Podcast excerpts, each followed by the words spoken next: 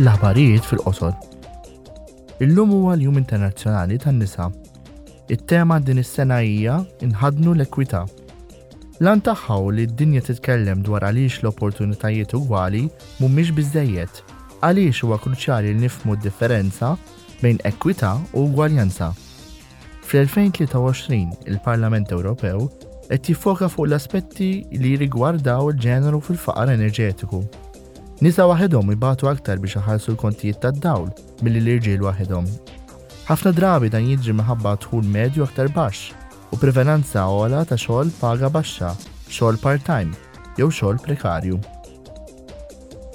Din il-ġimgħa l-membri tal-Parlament Ewropew mill-Kumitat għal Budgets u għal Affarijiet Ekonomiċi u Monetarji iddiskutew l-implementazzjoni tal-programm InvestEU li daħal fis-seħħ sentejn ilu.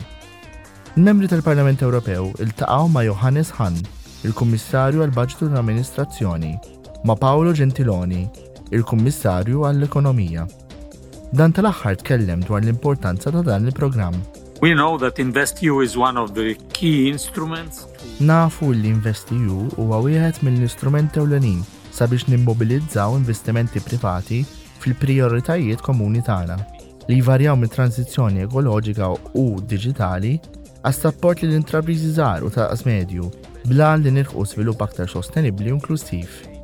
L-eliġibilità vasta tiegħu InvestEU jistaleb ukoll parti kruċjali fit-tisħiħ tal-pożizzjoni dominanti tal-Unjoni Ewropea fil-qasam tal-industrija tal-manifattura tat-teknoloġija nadifa, li huwa wieħed mill-aktar setturi importanti għall-kompetittività tal-ekonomija tal-Ewropa. Il-Programm InvestEU jappoġġa l-investiment sostenibbli, l-innovazzjoni u l-ħolqien tal-impjiegi fl-Ewropa. Huwa jiġbor flimkien, taħt saqaf wieħed, il-Fond Ewropew għall-Investimenti Strateġiċi u 13 strument finanzjarju ieħor tal-Unjoni Ewropea. Illum u għada l-Kumitat Speċjali dwar il-Pandemija tal-COVID-19 organizza workshop sabiex jiddiskuti s-sitwazzjoni attwali tal-Unjoni Ewropea fir-rigward tal-prevenzjoni tal-kriżijiet u r-rispons għalihom. Waqt it-tieni workshop il-membri tal-Parlament Ewropew se jiltaqa' ma' esperti sabiex jiddiskutu l-fatti u l-iżviluppi ewlenin relatati mal-Covid fit-tul.